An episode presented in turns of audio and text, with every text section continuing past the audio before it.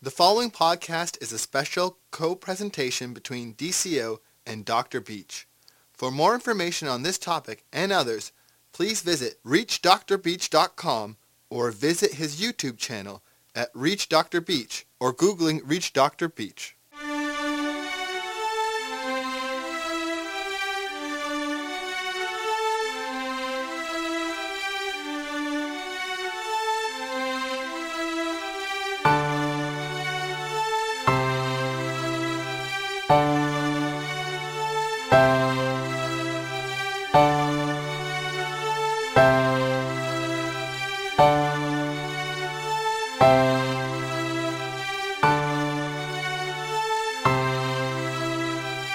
Hi, it's Dr. Beach, and we're here with the fabulous Darnell at the Malibu Beach Salon. Hi, Darnell. Hi. How are you everybody doing today? I'm fantastic. And I was hoping we could talk a little bit about the psychology of hair and wondering if there's something particular that's on your mind. Because I feel that as a hairstylist, we are psychologists. And 90% of our business is psychology and 10% hair. Therapist, right? You build a Absolutely. Mm-hmm. rapport, Mhm. you assess someone, you make a diagnosis, and then you do an intervention. Mm-hmm. Absolutely. Um, so it sounds like there's actually a lot of overlap. Maybe you should sit in the chair and I'll do your hair. Uh, uh, my, mm, I'm going to, let's brush that idea aside for later. Well, ma- so so, I guess what would this you is- like to do today? Well, I guess this is the before. So I, I usually like to kind of go short on the sides Mhm, so and the take it back. aside, okay. And then I sometimes will wear it like to the side, and then sometimes I like to wear it a little bit spiky. Awesome. Now, have you ever been a, a little adventurous? Do you Uh, mind going to try? did you have in This mind? is psychology. I'm just doing it. Okay.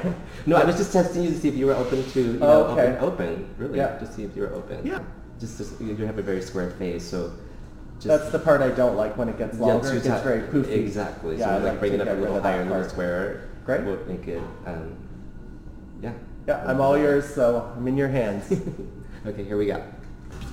I'm in the business of making people beautiful and lifting their spirit. If it's not beautiful and lifting the spirit, I won't. I won't Right. put my name on it. I mean, that's another overlap. We're both kind of our intention is to be, you know, spirit lifters. Absolutely, I- feel better. Mhm, absolutely. Stress can cause hair loss, and hair loss can cause stress. I mean, I think you and I would both be very wealthy men if we could find a cure for male pattern baldness. Oh, absolutely. That's what. They- That's like a man's biggest, one of their biggest fears. Well, it's and some of those. I feel like some of the men are yes, they're uncomfortable, but some of them are pretty bold with it. Some of them are pretty ex, you know accepting of their their baldness. I just saw a picture of John Travolta who is now bald with a beard. okay. So it was interesting. I mean, how it's, he's kind of come into it too because he was losing his hair. right. How do you think I would look bald? Swing your head. You look pretty. It's not like an- it's not like really an- nice head it's not shape. like an egg. There's some people have like little lumps and things in their head, but you have a pretty nice symmetrical head shape. Well, you had me at hello. Really. yeah. So Darnell, if I were to dye my hair, what color do you think would work for me? Fire into red. no. When you were seven, what was your hair color like when you were seven? Uh, blonde. Yes. That's the color most hairstylists try to achieve to get you to. Is when you're seven years old.